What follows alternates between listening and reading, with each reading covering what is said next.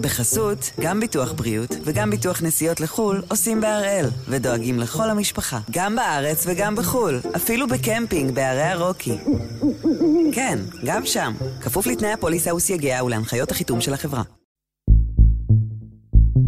היום יום שלישי, 4 בינואר, ואנחנו אחד ביום, מבית N12.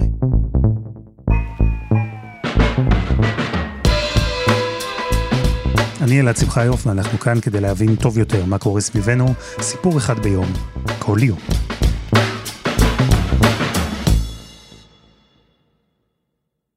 בימים האחרונים החדשות מלאות בדיווחים על פרשת מין חמורה בבית ספר בדרום. יש צו איסור פרסום גורף שהוטל עליה, כך שאי אפשר לומר הרבה, אבל גם מהפרטים המעטים שכן נחשפו, עולה שאלה מאוד מטרידה. איך יכול להיות שבית ספר יהפוך לקרקע פורייה לעבירות מין? איך זה אפשרי? וזה לא רק בית ספר אחד, וזה לא רק קורה בדרום. יש כבר צבר של אירועים כאלה לאחרונה, שורה של פרשות תקיפה מינית שבמרכזן תלמידים ותלמידות, בין אם הם מהצד התוקף או מהצד המותקף. אז כן, איך זה קורה? זו שאלה חשובה. אבל הפעם אנחנו גם נשאל עוד שאלה, והיא לא פחות חשובה. האם אפשר, ואיך אפשר, למנוע את המקרה הבא? שלום יעל אודם, כתבתנו לענייני חינוך. שלום אלעד. מה אנחנו כן יכולים לומר על הפרשה בדרום? שזו פרשה חמורה שהיו מעורבים בה עשרות נערים, עשרות נחקרו, חלקם כבר שוחררו אפילו ממעצר בית וחזרו לספסל הלימודים. יש כאן אה, מנהל בית ספר שפוטר, בית הספר הזה היה מעורב בפרשה אחרת שטלטלה את המדינה וכנראה לא הופקו לקחים ולא נלמד הלקח. אנחנו מאוד נסערים, קרו מקרים קשים וחריגים אה, שגרמו לתחושת חוסר מוגנות בקרב התלמידים. אני חושבת שיש בלבול ושיש כאוס, אה, ואני כאימא מרגישה מאוד לא בטוחה לשלוח את הילדים למקום שאני לא יודעת אם יש שם מבוגר אחראי. אני לא יודעת אם יש מי שיקבל אותם וייתן מענה לצרכים. ויש כאן אה, חוסר גבולות וחוסר הבנה של גיל ההסכמה, של מיניות, של הטרדה. הרבה מאוד ליקויים וצו איסור פרסום גדול שמרחף מעל, ולכן אנחנו מנועים לתת פרטים נוספים. העניין הוא שהפרשה הזו היא לא נקודתית. אנחנו רואים עוד אירועי תקיפה מינית, זה קורה אצל בני נוער, אצל ילדים, זה קורה בבית הספר. זו רק תחושה שאנחנו נתקלים בזה יותר, או שבאמת זה קורה יותר? להגיד גל זו מילה קשה, אנחנו מתייחסים לגל בהקשר של קורונה ותחלואה, אבל כן, יש פה, יש פה תופעה, יש פה ספר מקרים נוראי, הנה רק בשבוע שעבר, בתל אביב, נער בן 15. שבועיים אחרי שהתפוצצה פרשת האונס בתיכונים בתל אביב, הגישה הבוקר הפרקליטות לבית המשפט המחוזי כתב אישום חמור נגד הנער בן ה-15 בגין עבירות של אונס, מעשים מגונים וניסיון אונס בשש קטינות. מנהל בית הספר שבו למד הנער בשנה וחצי האחרונות, מדבר היום בפעם הראשונה עם יעל אודם. צריך להבין שזה קורה בגיל הזה במקומות רבים בארץ הזו, וזה לא מטופל. אנחנו נתקן ואנחנו נבין שסדרי העדיפויות בבית ספר תיכון חייבים להשתנות.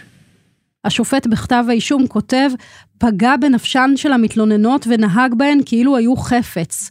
בית ספר בשרון, בשרון, בית ספר מאוד מוכר, מאוד גדול, מעל אלפיים תלמידים, נערות מפגינות, מוחות על הטרדות מיניות, שני מורים נחקרים, המנהל יוצא להם ואומר, לא קרה כלום, זה שום דבר, אתם סתם ממציאות.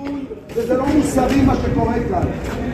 בין העובדות לבין הדמיון יש מרחק גדול מאוד מאוד.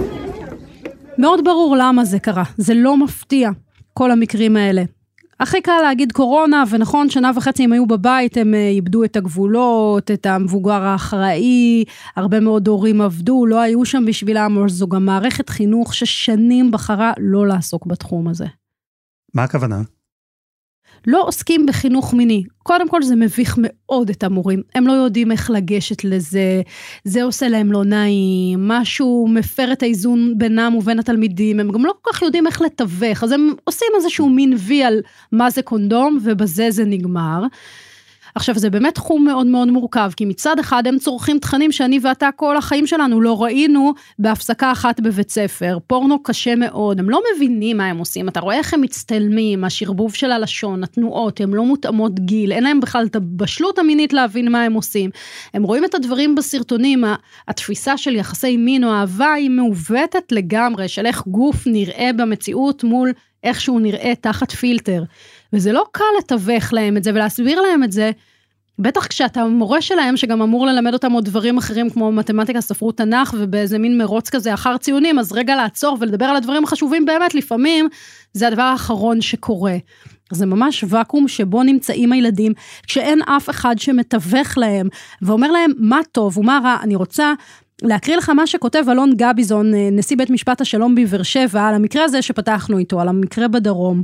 מערכת החינוך לא השכילה להתמודד עם החשיפה שיש לתלמידים לתכנים מיניים ברשתות החברתיות, ודומה כי יחסי המין נתפסים על ידם בצורה מעוותת ואין מענה של המערכת. אך גם לנו ההורים אחריות בחינוך ילדינו, מה מותר ומה אסור, מה תואם גיל ומה לא. ברור. השאלה היא, אם במסגרת החינוכית, שם אנחנו בסוף רואים שקרו המקרים האחרונים, שם גם יכולים לקרות מקרים סדרתיים, המוניים. שם לא מטפלים בסוגיות האלה? כמה זמן הנושא הזה נשאר בצד? המון שנים שזה לא מטופל. רק עכשיו הייתה איזו ועדה בכנסת, עלתה נערה בכיתה י' מבית הספר בתל אביב, שדיברנו עליו אה, מוקדם יותר, והיא אומרת, בכל 12 אה, שנותיי פעמיים דיברו איתי על מיניות. אני מכיתה א' עד כיתה י"ב לומדת מלא לחלוטין. כל מה שעברתי מבחינת סדנאות למיניות בכיתה י"ב, הפעם היחידה, ואני אומרת באופן אישי, נכשלתם, בשיא הרצינות. וגם באמת כשמדברים אז מדברים משהו ככה מאוד אברי אה, רבייה, דברים שהם לא באמת מה שבני הנוער עכשיו צריכים לדעת. צריך לקחת את זה בשיא הרצינות ולדבר על זה ולעשות תהליך עומק ולא שיעור אחד, אלא משהו שהוא לאורך זמן.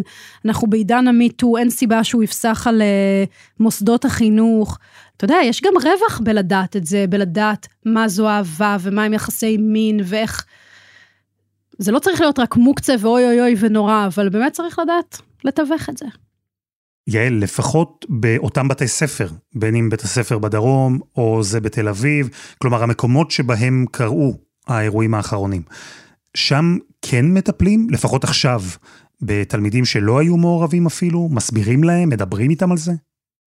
כן, בבתי הספר שעליהם דיברנו, הכניסו אד הוק אה, עמותות שונות, אה, מדריכים שונים שמדברים איתם במיוחד על זה, אבל אה, בסדר, אתה יודע, זה אחרי שזה קרה, זה קצת מעט מדי, מאוחר מדי, ואפשר היה למנוע את המקרים האלו אם היו מטפלים בזה ברצינות לפני. אז זו בדיוק השאלה.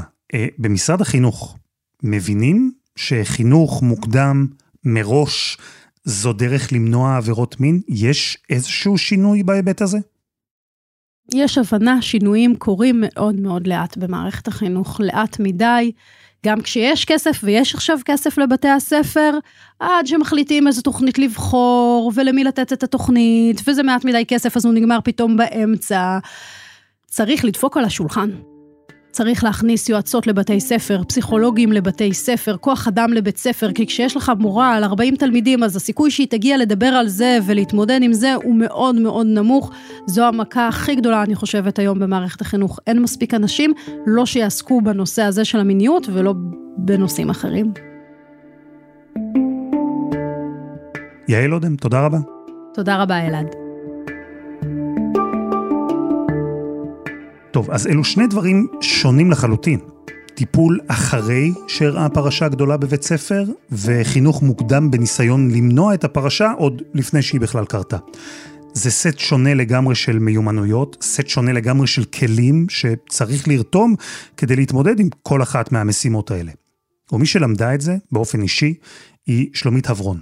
היא התחילה בטיפול בנפגעות אלימות מינית, והחליטה לנסות ולהקדים את הכרוניקה הזאת, שראתה קורית פעם אחר פעם. בסוף שנת 2013 אני הבנתי שאם אני אמשיך להתעסק אך ורק במניעת אלימות מינית, אה, אני, אני לא אצליח לעשות את זה מבחינה נפשית. אני מאוד מעריכה אקטיביסטיות שמצליחות לעשות את זה לאורך זמן, לי היה מאוד קשה, ורציתי להכניס לחיים שלי משהו כיפי. רציתי להכניס לחיים שלי משהו מעודד, ובעיקר רציתי לדבר עם מתבגרים לפני הפגיעה המינית. לפני, לא אחרי. מה ששלומית מגדירה ככיף, טוב, על זה אולי אפשר להתווכח, כי אם נודה באמת, אם נהיה כנים, אז כל העיסוק במין, במותר, באסור, איך, מתי, בטח כשמדובר בצעירים וצעירות, אז הוא מביך, הוא לא נעים.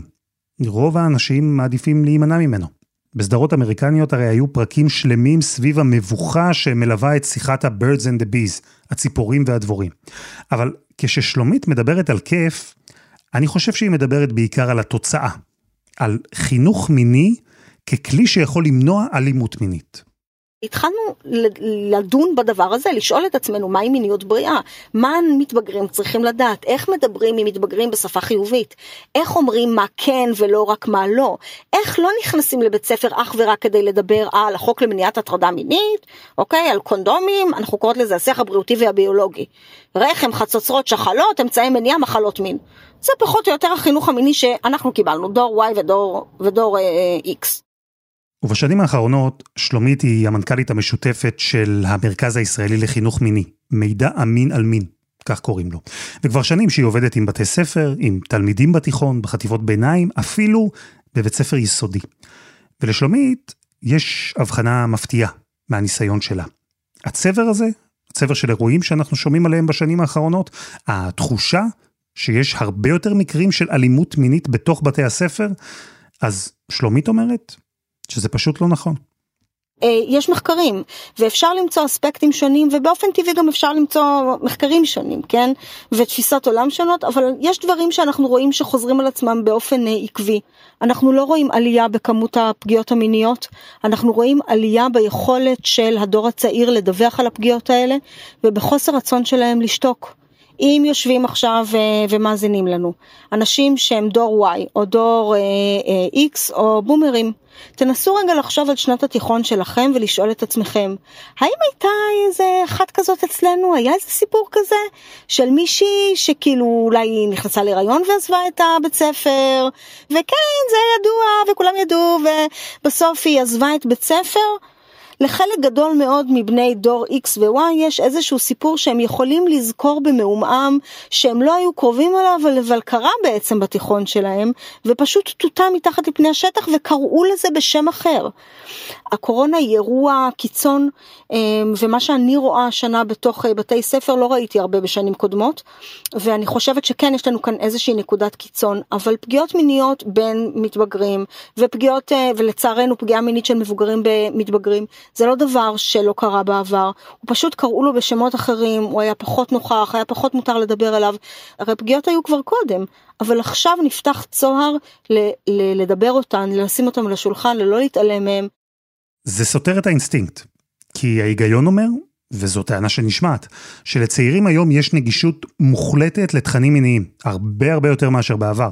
ושוב, הטענה ששומעים בדרך כלל אומרת שהנגישות הזו מובילה גם ליותר אלימות מינית. אנחנו בהחלט רואים עלייה בשימוש בפורנוגרפיה, לפחות ממה שאני מכירה מהמחקר כיום, אנחנו לא רואים אה, קשר ישיר בין שימוש בפורנוגרפיה לפגיעה מינית. אה, חשוב לי להגיד שפורנוגרפיה זה דבר ממש גרוע, חברתית, ממש גרוע למתבגרים ומתבגרות ואסון לילדים וילדות. אמ, אבל הקשר הוא לא ישיר. אתה זוכר שכשאנחנו היינו ילדים אמרו לנו שמשחקי מחשב מובילים לאלימות? שאם רואים, אמ, רואים אה, אנשים מרביצים אחד לשני אז זה מוביל לאלימות? אבל המחקרים לא הוכיחו שזה מוביל לאלימות. איפה זה מוביל לאלימות? זה מוביל לאלימות כשזה מתיישב במוח של נער שמלכתחילה הוא נותן לאלימות. אז מאיפה מגיעה המודעות לדבר על uh, פגיעות מיניות? זה בטח לא מגיע מפורנוגרפיה. איך בכל זאת אנחנו רואים היום יותר קורבנות שמדברים, או אפילו יותר תלמידים שמדווחים שאחרים, תלמידים אחרים נפגעו? למה זה קורה יותר היום מאשר בעבר? אנחנו כן רואים שכשמתבגרים שומעים בתקשורת על אירועים שקורים, כשאנחנו רואים שהחברה נעה יותר לכיוון של שיח שיפוטי על התוקפים ושיח מקבל כלפי הנפגעים והנפגעות, ולא שיח ששופט אותם ולא שיח שמאשים את הקורבן, אז זה כן דבר שהוא גורר עוד סיפורים וגורר עוד את היכולת לדבר על הדברים שקרו. זה בדיוק מה שמיטו עשתה לעולם. כן, מה מיטו עשתה לעולם? היא אפשרה לכמות מאוד גדולה של אסונות שהיו מתחת לפני השטח, לצוף ולעלות אה, למעלה. אז כן, יש לנו כאן כוחות שונים שפועלים בתוך החברה, אבל בסופו של דבר כחברה, אנחנו נעים קדימה. החברה היא מקום יותר מוגן, השפה קיימת יותר, אפשר לדבר את הדברים, ואנחנו גידלנו דור אחר, והדור הזה הוא דור שלא מוכן לשתוק, והוא דור שמדבר, והוא דור מקסים, והוא דור שעושה שינוי, והם צריכים לקבל מאיתנו, בתפיסת העולם שלי, את כל הגיבוי, משום שזאת הדרך לעשות שינוי. הדרך לעשות שינוי היא לפתוח את הדברים, לשים אותם על השולחן, אה, לתת לאור השמש לעשות אה, חיטוי, ולתת לנו להתקדם קדימה לעבר אה, עתיד שבו לא משתיקים פשעים מהסוג הזה. אז זהו, שגם כאן יש לשלומית טענה שהיא, איך נאמר, טריקית. כן, גידלנו דור צעיר שמדבר, שרוצה שינוי, שעושה שינוי, אבל במקביל, ממש לא בטוח שעשינו עבודה מספיק טובה לחנך את הדור הזה על מיניות בריאה. אבל קודם, חסות אחת, וממש מיד חוזרים.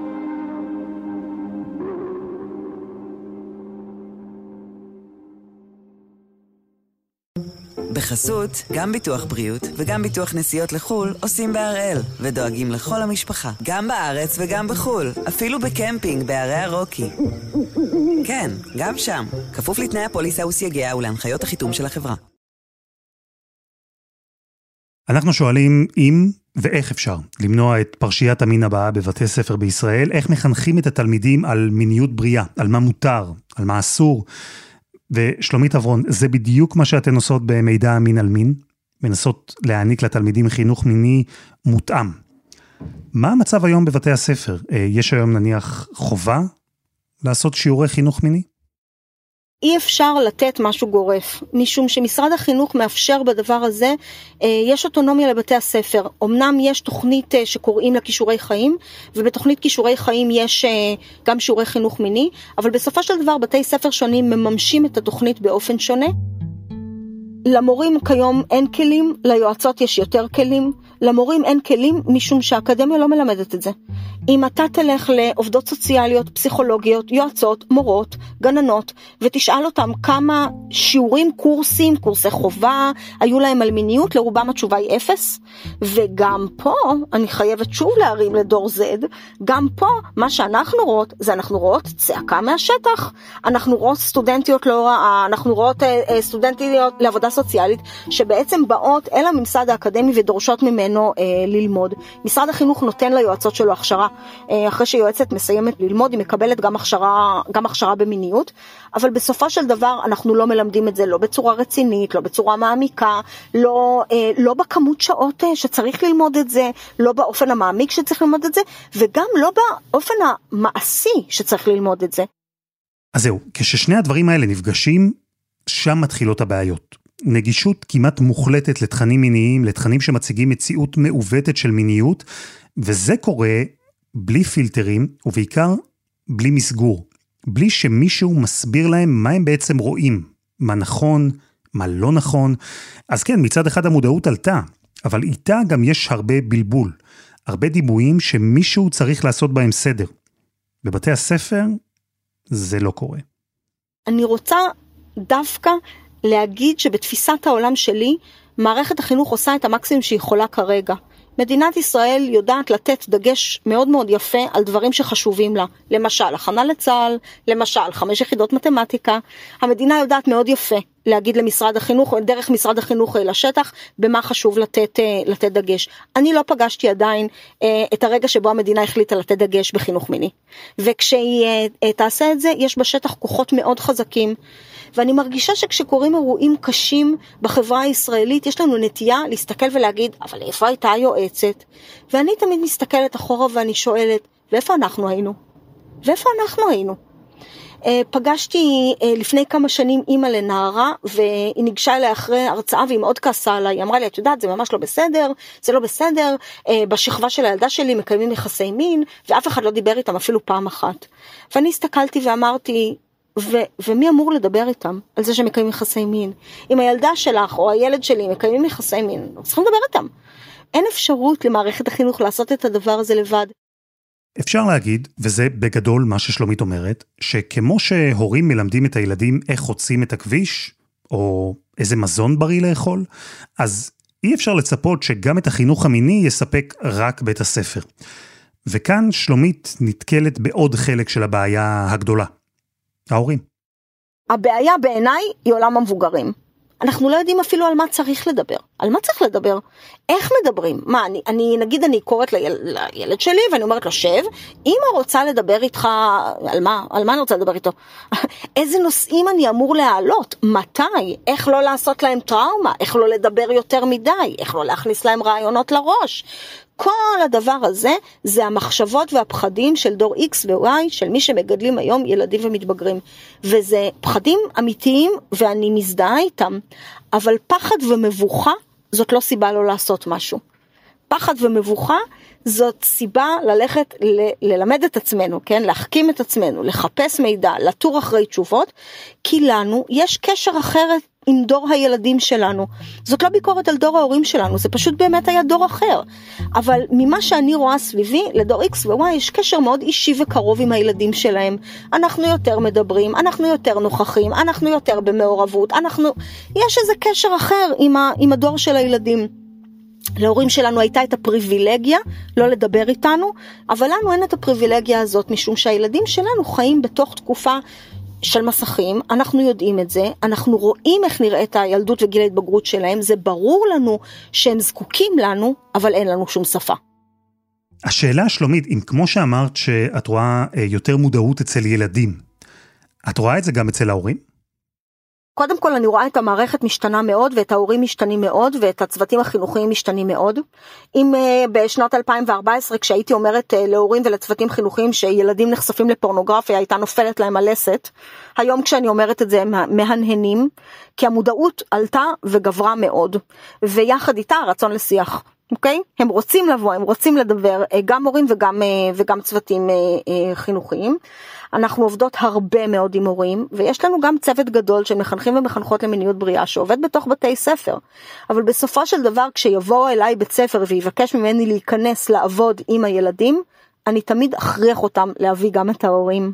כי אני מאמינה גדולה במעטפת מסביב לילדים של מי שיכולים, אני קורא 50 אחוז. בסדר? לא כל ההורים יבואו, לא כל ההורים יהיו נוכחים, לא כל המורים יוכלו לדבר מיניות, אבל אם אנחנו ניתן להורים, לחלק של ההורים שיכול, בסדר? ולחלק של המורים שיכול ורוצה, ויש כאלה לא מעט, אם ניתן להם את הכלים, אנחנו מייצרים די בקלות סביבה מינית מוגנת. שלומית, תודה. תודה. וזה היה אחד ביום, של N12. נשמח לשמוע מה דעתכם, אם אתם הורים, צעירים, אפילו מורים, מורות, אנחנו מחכים לכם בקבוצת הפייסבוק שלנו, אחד ביום, הפודקאסט היומי. העורך שלנו הוא רום אטיק, תחקיר והפקה רוני ארניב, דני נודלמן ועדי חצרוני, על הסאונד יאיר בשן שגם יצר את מוזיקת הפתיחה שלנו, ואני אלעד שמחיוף. אנחנו נהיה כאן גם מחר.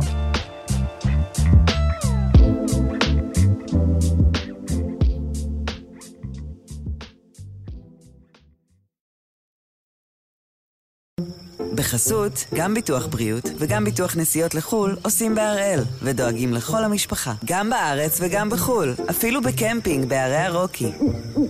כן, גם שם, כפוף לתנאי הפוליסה וסייגיה ולהנחיות החיתום של החברה.